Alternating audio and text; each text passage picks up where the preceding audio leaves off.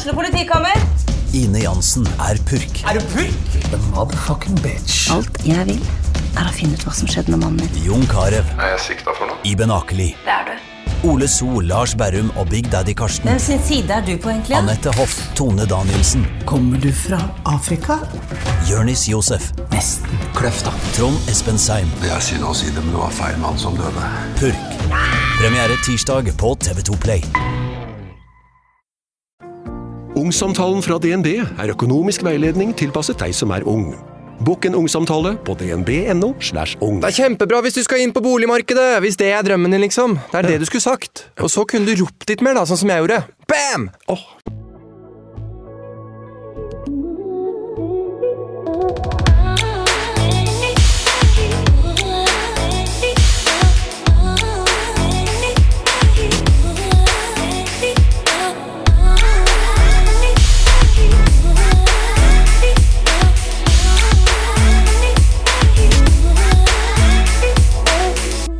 Jeg vet ikke om du husker Kine? Kine var gjest i episode 105 og 106 av Sykt ærlig med Martine. Og jeg anbefaler på det sterkeste at du lytter til de først, om ikke du allerede har gjort det. Da skjønner du mye bedre hva vi snakker om i dag. Også hvorfor jeg blir så opprørt som jeg gjør. For det er vanskelig å holde seg profesjonell i dagens episode. For i dag så snakker jeg med Kine som en venn, ikke som programleder. Jeg vet at Kine tar en enorm risiko hver gang hun snakker om dette. Allikevel så gjør hun det. Gang på gang. På vegne av oss. På vegne av alle det gjelder. Alle som ikke kan. Som det kan ramme. Kine forteller meg og oss at hvis noe skjer med henne, så vil hun at vi skal vite sannheten. Sånn i tilfelle. Og da må vi lytte. Om du behøver noen å snakke med, kan du alltid når som helst ringe VO-linjen på 116 006. Det er en hjelpelinje for deg som opplever vold eller overgrep i nære relasjoner. VO-linjen har også en chat. Der kan du skrive inn til dem helt anonymt og lydløst. Chatten er åpen mandag til fredag fra 9 til 8.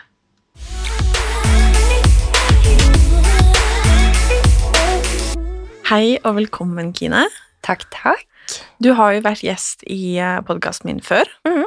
og eh, vi anbefaler jo at eh, de som ikke kjenner historien din, eller som har lytta til de episodene, lytter til episode 105 og 106 først, Mhm. eh, der du forteller din historie. Mhm. um, og det er nesten uh, rart å si historie. Burde kalle det et mareritt. Mhm. Fra Hva sier man? Et ekstremt Voldelig forhold. Ja, Mm. ekstremt voldelig forhold. Mm. Og, um, Så vi vet at veldig mange andre også lever i. og det er jo derfor vi sitter her i dag, Mm. igjen. Mhm. For tiden har jo gått, både siden dette skjedde, eh, og siden vi snakka sammen Mhm. eh, for et års tid siden. Mm. Og det har jo skjedd, eller kommet litt nye utfordringer mm. eh, på veien. Det har det. Og det er det vi skal snakke om i dag. Ja. Tiden etterpå. Mm. Og litt dette er med at når du har vært utsatt for de grusomme og forjævlige handlingene som du er utsatt for, så slutter det ikke å forfølge deg, på en måte. Mm. Selv om gjerningsmannen fikk Var det 13 år han fikk? Ja. Mm. Så er det fortsatt den strengeste Du, det er jeg litt usikker på. Det var i hvert fall den strengeste Ja. dommen i en sånn type sak som var Mhm. gitt. Mm. Um, som Håper jo at det har blitt gitt etterpå. Ja, det får vi håpe. Mm. Uh, og det skulle bare mangle. Mm. Um, og jeg merker selv at dette her syns jeg er så vondt og vanskelig. Og det er jo derfor vi også må snakke om dette her. Mm. For sånn som du sier, det gjelder så mange. Mm. Og uh, det gjaldt deg. Ja. Og jeg lurer, hadde du noen gang liksom sett for deg det? For jeg skal ærlig innrømme at jeg liksom alltid har visst at det skjer, og, og alltid vært veldig opprørt på grunn av det. Men jeg kan, har liksom aldri kunnet sett for meg selv i den situasjonen, fordi det, det skal liksom bare ikke skje. Nei. Nei, jeg hadde jo aldri sett det for meg. Jeg fikk jo helt sjokk første gangen det skjedde. For det er jo gjerne sånn du bare har sett på film, og plutselig så står du midt oppi det selv. Og i tiden etterpå, når jeg har jobba så mye med det som jeg har, så ser man hvor stort problem det faktisk er.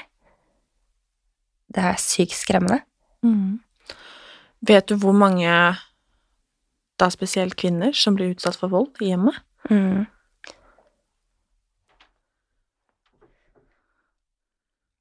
Du kan finne fram eksakt, Ja. for jeg vet du Det finnes jo tall på det. Mm. Hver tredje kvinne i Norge har blitt utsatt for eh, en eller annen form for vold.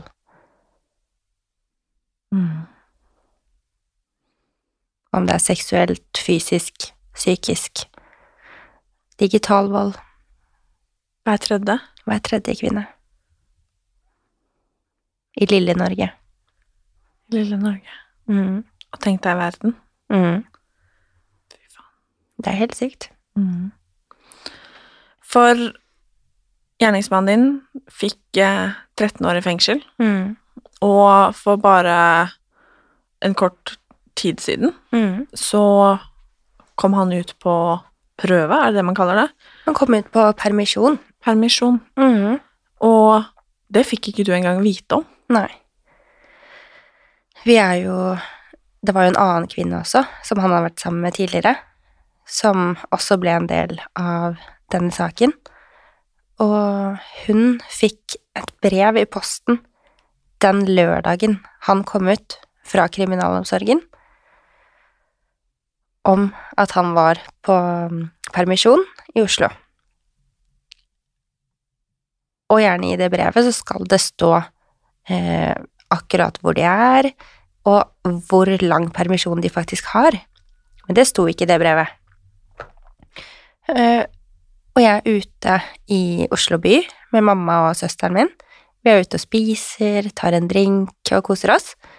Eh, så skal jeg legge ut et bilde på storyen min på Instagram. Eh, så tagger jeg stedet. Og det pleier jeg aldri å gjøre. Men så tenker jeg at men, Det verste er at jeg tenker på det selv nå.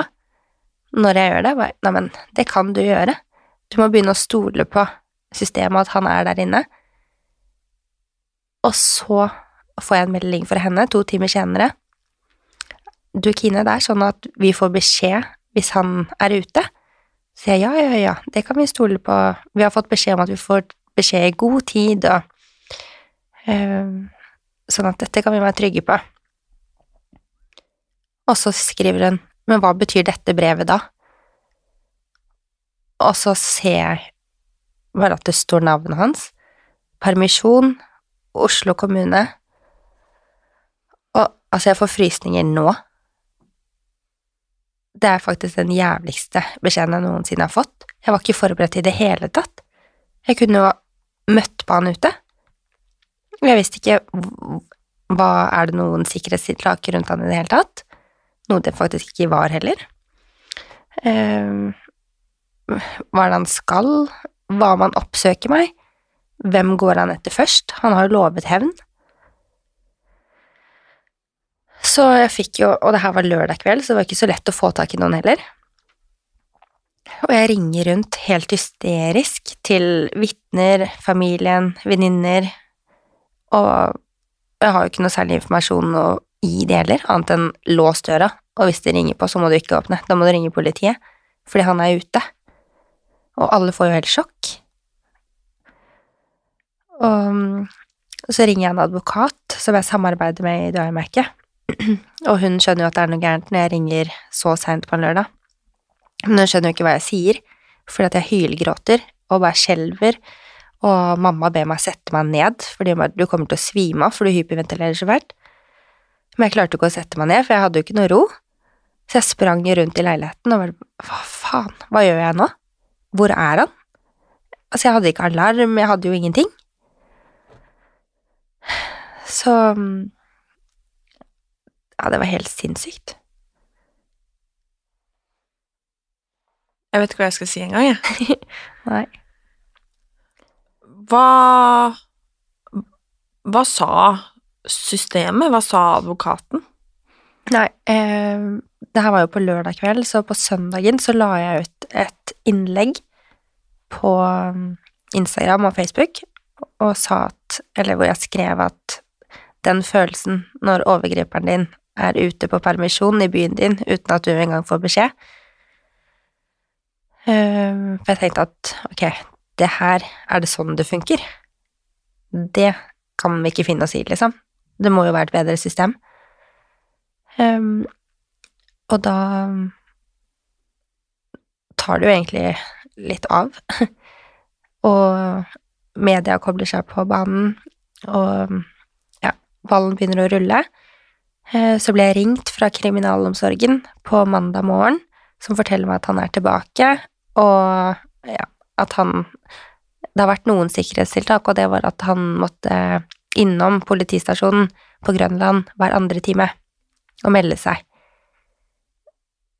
Men du får gjort ganske mye på to timer.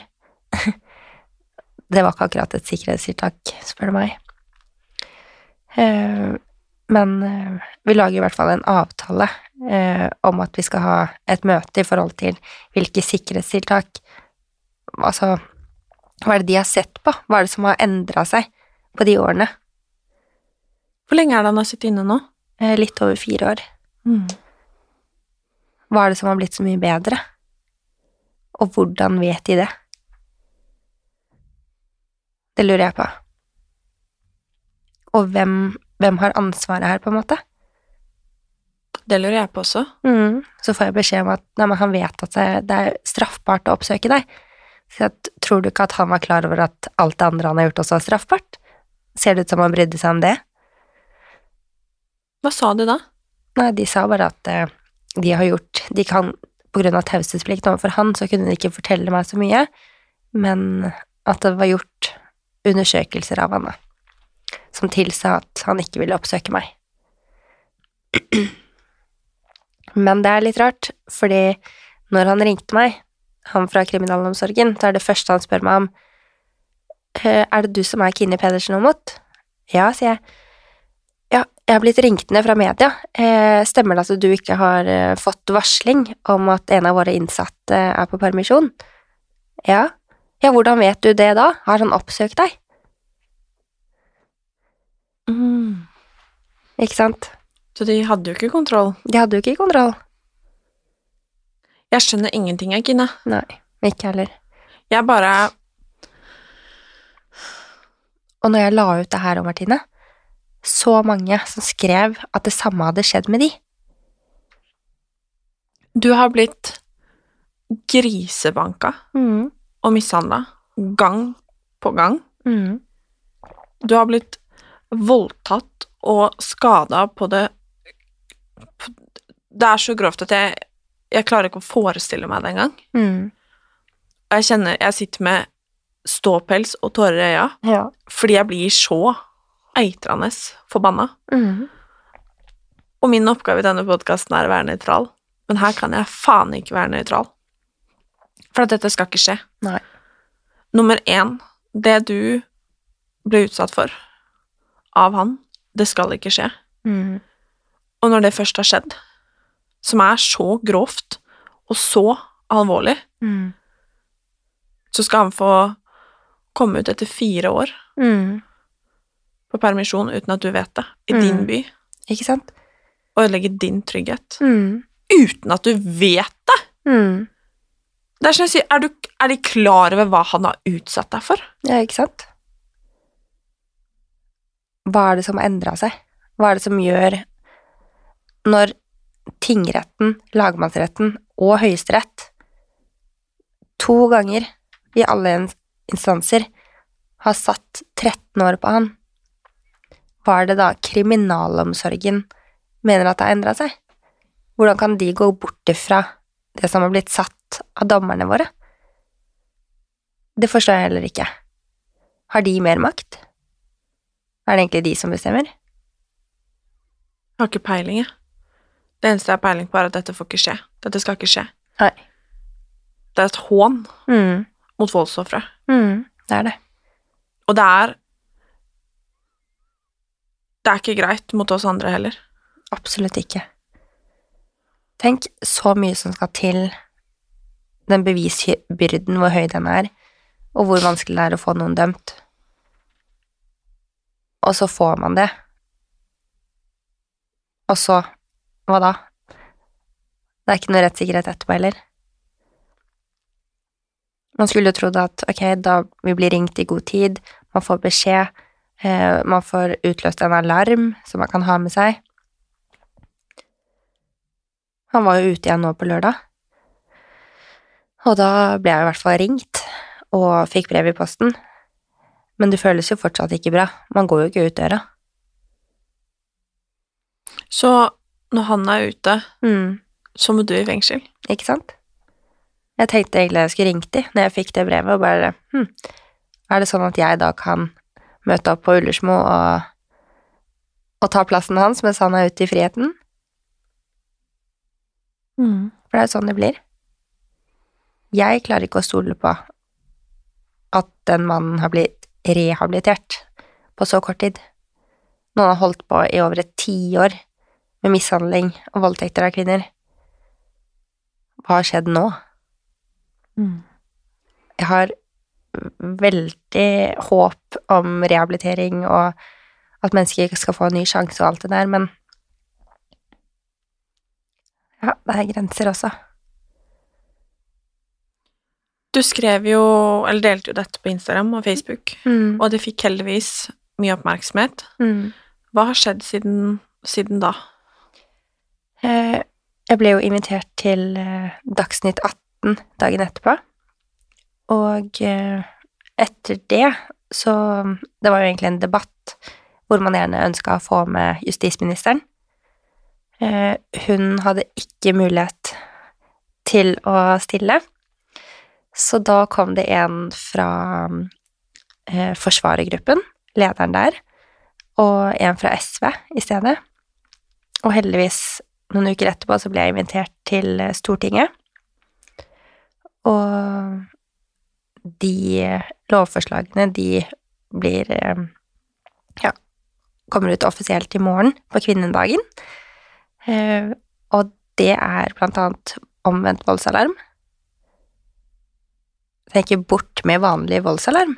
Forklar det til de som ikke Mm. vet egentlig hva voldsalarm er i utgangspunktet. Ja, ikke sant? Eh, vanligvis så får man jo utdelt en voldsalarm.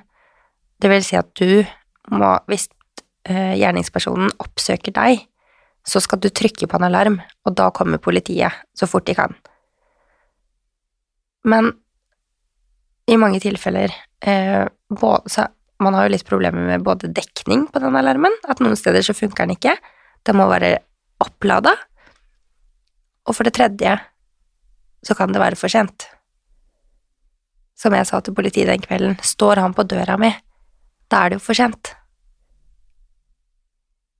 Hva skal jeg gjøre da? Og en omvendt voldsalarm, den eh, Det er jo en lenke som han, gjerningspersonen, ville hatt på seg. Og så får han da et område, eh, for eksempel Oslo, da, hvor jeg bor, hvor han ikke får lov til å nærme seg. Og hvis han nærmer seg, eller går over grensa, da ringer det en alarm hos politiet som sier at han har brutt grensa, og da kan man allerede på en måte oppsøke han da, før han rekker å komme til meg. Og det er jo perfekt, det er jo sånn det skal være. Det er sånn det skal være. Du har valgt å begå de handlingene. Ja, ok, det må forfølge deg resten av livet, men vet du hva, det gjør det med oss òg. Vi blir heller ikke kvitt det her. Det er ikke sånn at om 13 år så ja, er alt greit for oss heller. Vi har aldri valgt å begå de handlingene, Eller bli utsatt for de. ikke sant? Har du tenkt mye på det? Om hva som skjer om 13 år, eller antageligvis mindre, fordi han Mm. liksom oppfører seg så bra? Ja. Jeg har jo egentlig prøvd å ikke tenke for mye på det, men eh, nå i det siste så har jeg skjønt at ok, nå begynner det jo faktisk å skje ting, og plutselig så Plutselig er han ute. 13 år er jo ikke 13 år. Nei. Men jeg vet faktisk ikke. Jeg har ikke noe godt svar på hva jeg gjør da. Men det eneste jeg håper, det er jo at det lovforslaget går igjennom, og at omvendt voldsalarm blir mer brukt. Må han bære det når han er ute av fengselet òg, da? Mm. Og det er jo det som på en måte er debatten, da, med at når de er ferdig i fengselet, så er de ferdig sona. Da skal de få lov til å være fri. Da har de fått sin straff for det de har gjort. Men hva med straffen vår? Og argumentene på Dagsnytt 18 nå, med at nei, men da, de kan ikke bade, de kan ikke dra på badeland, de kan ikke dra på skitur der de vil, de kan ikke fly, for da funker ikke alarmen. Men jeg tenker, det går jo an, vi har en såpass bra teknologi, at da kan man jo ringe inn, da, til politiet, og gi beskjed. Du, jeg skal eh, til Gran Canaria neste uke, sånn at da kommer ikke alarmen til å fungere på seks timer. Ok, men da vet vi det. Eller jeg må til Oslo fordi jeg skal hente et nytt pass, et eller annet. At man lager en avtale på forhånd. Det er jo forebyggende også. De vet at vi følger med på dere. Dere kan ikke Det er ingen menneskerettighet å oppsøke mennesker man er utsatt for vold og overgrep. Nei, det er det ikke. Mm. Det gjør jo, tror jeg, da. Det har man jo sett også tall på, selv om det bare har blitt brukt 65 ganger i Norge siden 2013. Ja. Oi. Mm. 65 ganger av 25 000 saker hvor det har blitt om. Så har det blitt brukt voldsalarm. Omvendt Ja, omvendt voldsalarm. Mm. Jeg bare Uten å ta hensyn her Mm. Kanskje noen til og med mener at det, eh, det er feil av meg, Mm. i posisjonen jeg sitter i her, å si det, men det driter jeg faktisk i. Du får 13 år fra å ha mishandla noen på det aller, aller groveste. Mm. Um, og jo da, når man er ferdig med, de åra, så, Mm. så skal du ut der, liksom. Ja. Men jeg kan ikke, Kine, vite at han er ute, og at han med stor sannsynlighet fortsatt er tilregnelig til å ta livet av deg når Mm. han kommer ut. Mm. Tenk så sint han er, da. jeg, jeg, jeg, jeg kan ikke sitte her og engang tenke på det, Mm. fordi jeg eksploderer. Mm. Det er jo litt sånn jeg føler det nesten, at de årene han er der inne nå, er de årene jeg må jobbe for å egentlig endre fortiden til noen andre. Fordi min fortid, eller liksom fremtid, mener jeg, den eksisterer nesten ikke. Nei, Hvis du skjønner? jeg skjønner veldig godt hva du mener, Mm. og jeg er så innmari lei meg for det. Mm. Og hvis det ikke skjer med meg, hvem blir neste?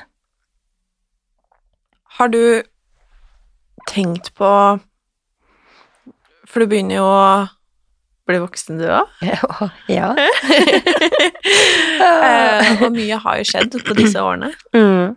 Har du tenkt på dette med eksempel å stifte familie og sånn? Mm. Med tanke på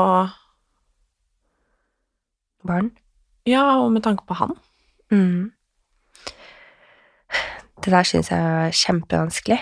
Eh, Jeg er jo en person som elsker barn, og tulle og leke med de og gi de omsorg og Men eh, jeg vet faktisk ikke om jeg tør. Jeg tenker sånn som for hun andre, jeg skal ikke nevne navnet hennes, men hun har jo barn, og når hun fikk det brevet Altså, den frykten man kjente Altså, som jeg kjente på mine egne vegne, og på familien min, den hadde hun med barna sine. Og jeg tenker at er det noen han virkelig er forbanna på, så er det meg, som på en måte satte i gang det her. og i gåsetegn ikke har gitt ham fred etterpå heller. Så hvis han virkelig ville skada meg, så hadde det jo vært å gjort noe med barna mine. Og jeg føler at han er så syk at det er noe han kunne gjort. Og det vet jeg ikke om Ja, det vet jeg ikke om jeg klarer. Å ta sjansen på. Om jeg noen gang da Om jeg kommer til å ha det rolig og godt, hvis du skjønner. Eller om jeg bare kommer til å være en sånn superstressa mamma som hele tiden lurer på hvor de er, og ligger i busken og passer på at de er der de skal, og at ingen gjør de noe. For det er sånn jeg kan se for meg at det blir. Og det er for jævlig. Mm. Ingen skal ha, trenge å ha det sånn. Nei. Hvor uh, Hvis du fikk lov til å velge, Mhm. Uten å verken være politisk korrekt eller noen ting, hva, hva, hva, hva trenger vi? Hva, trenger vi for at du og alle de andre som har vært utsatt for den slags type overgrep som det Mm. du har, eh, skal kunne leve livet så godt som mulig etter at man har blitt utsatt for noe sånt? Hva må til? Hva trenger vi som medmennesker å gjøre? Hva, hva må regjeringa og staten gjøre? Mm. Hva må vi gjøre? Jeg tenker det aller første, det er jo faktisk omvendt voldsalarm. Vi har jo den beskyttelsen, men vi bruker den ikke. Fordi gjerningspersonene skal Ja, de har så mange menneskerettigheter, og de skal få leve livet sitt sånn som de ønsker, i frihet.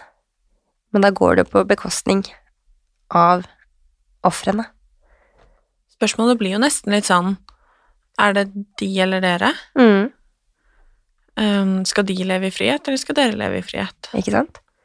Og når politiet eh, mener at det er grunn til å ha, om, eller ha voldsalarm, da, eller bo på skjult adresse, fjerne postkassa si, noen må leve på kode 6, bytte navn og typ gå under jorda. Når man mener at det her er viktig for at de skal få lov til å leve, da, da har man jo i det sagt at man tenker at gjerningspersonen fortsatt er syk nok til å skade de. Og hvorfor skal de leve fritt, da? Allikevel så setter vi friheten deres høyest. Og det er jo helt sinnssykt. Det er helt sinnssykt. Mm. En omvendt voldsalarm vil jo ikke løse alt, men jeg tenker det er en ganske god start. Det er helt enig. Da har man kontroll på hvor de er, og ja, vil sende ut signaler om hvis de nærmer seg, sånn at politiet alltid skal rekke å komme først. Og ja, det er jo ikke en drømmeverden det heller, men jeg skjønner at de kan jo ikke sitte i fengsel resten av livet, så da er jo det det beste alternativet, tenker jeg. Jeg er helt enig. Mm. Og jeg er så imponert over at du klarer å på en måte stå i dette her, eh, med den historien som er også, og at du våger. Og jeg lurer litt på, hva er det som, som driver deg til å våge? For det er som du sier, du setter deg jo Hver gang du snakker høyt om dette her, Mhm. Så setter du deg jo selv i en enda på en måte mer sårbar situasjon, da. Ja. Og det tror jeg ikke folk er klar over. Nei. At når man bruker stemmen som det du gjør, så gjør du deg enda mer tilgjengelig, og mm. noen blir enda sintere. Ja. Og så er det så jævlig viktig at du snakker om det. Mm. Ja, så jeg kommer jo ikke til å slutte. Og Men det som driver meg, det er jo alle de andre som blir utsatt. Ikke sant? Hver gang jeg snakker om det, så selv om jeg absolutt ikke har hørt fra alle eller sett alle, så ser jeg alle de ansiktene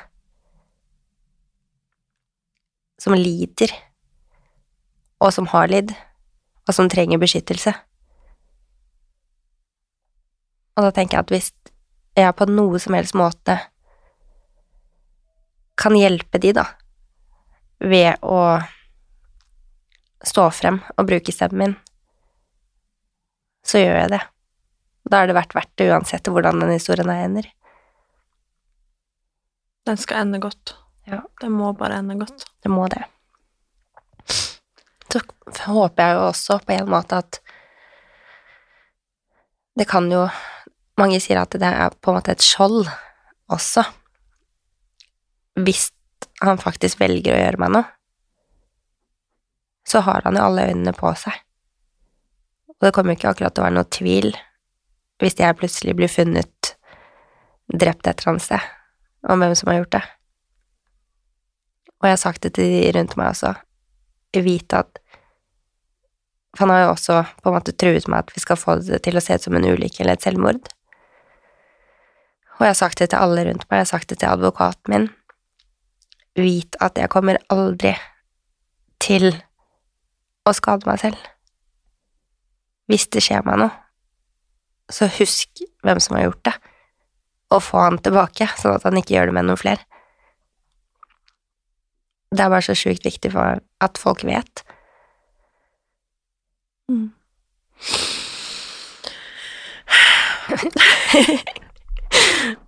Hvordan griner man da?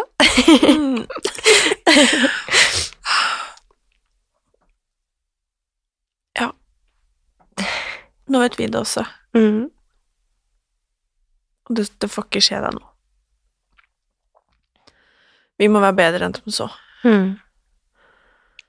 Det må vi bare. Ja. Og jeg lover at jeg skal stå ved din side og heie og pushe og bane vei. Mm. For alle som lytter på denne episoden her, og som opplever dette her, Mm. som er i et voldelig forhold, Mm. som kjenner noen som er det. Mm. Og tingen er at vi alle gjør det. Mm. Vi alle er glad i noen Ja. som opplever ting som ingen skal trenge å oppleve. Mm. Og det, van det er veldig vanskelig uh, å se for seg at noen man kjenner enten opplever noe eller har opplevd noe, men det er kanskje enda vanskeligere å se for seg at noen man kjenner, utfører det. Ikke sant? Mm. man har en sånn tanke om hvordan man ser ut, og så videre. Men disse menneskene som utfører de handlingene, de, de ser ut som meg og deg. Så når noen forteller, så må vi tro. Uansett hvor vondt det er. Og utenkelig.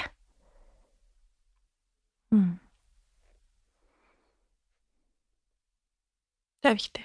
Mm. Vi må tro, Mm. Og så må vi ta oss sammen her. Ja. For at det skal ikke være sånn som det er. Nei, det skal ikke det. Ferdig snakka. Mm. Vi har egentlig løsningen på veldig mye, men man velger å sette voldsutøverne først. Nå håper jeg det er ofrene sin tur. Jeg liker ikke å bruke det ordet, men akkurat i den sammenhengen her så føler jeg at det er det eneste riktige ordet òg. For at mannen på gata skal skjønne hva man mener.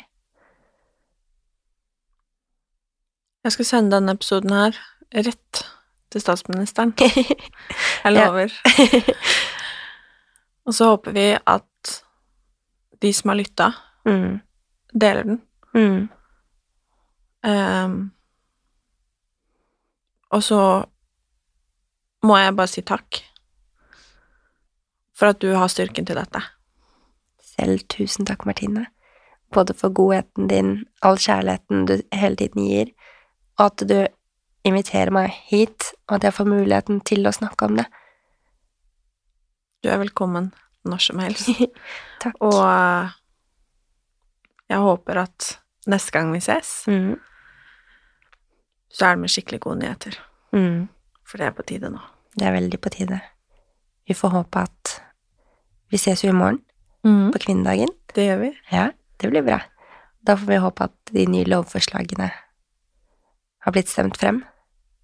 Det håper jeg av hele mitt hjerte. Mm. Og så kan vi jo avslutte med å si eh, til alle som lytter, Mm. at eh, vi tror deg, Vi tror deg. og du er ikke aleine. Du er ikke alene. Takk. Og vi er her for deg. Vi er her for deg. Mm. Takk for at du kom, Kine, Takk for meg og for at du lytta.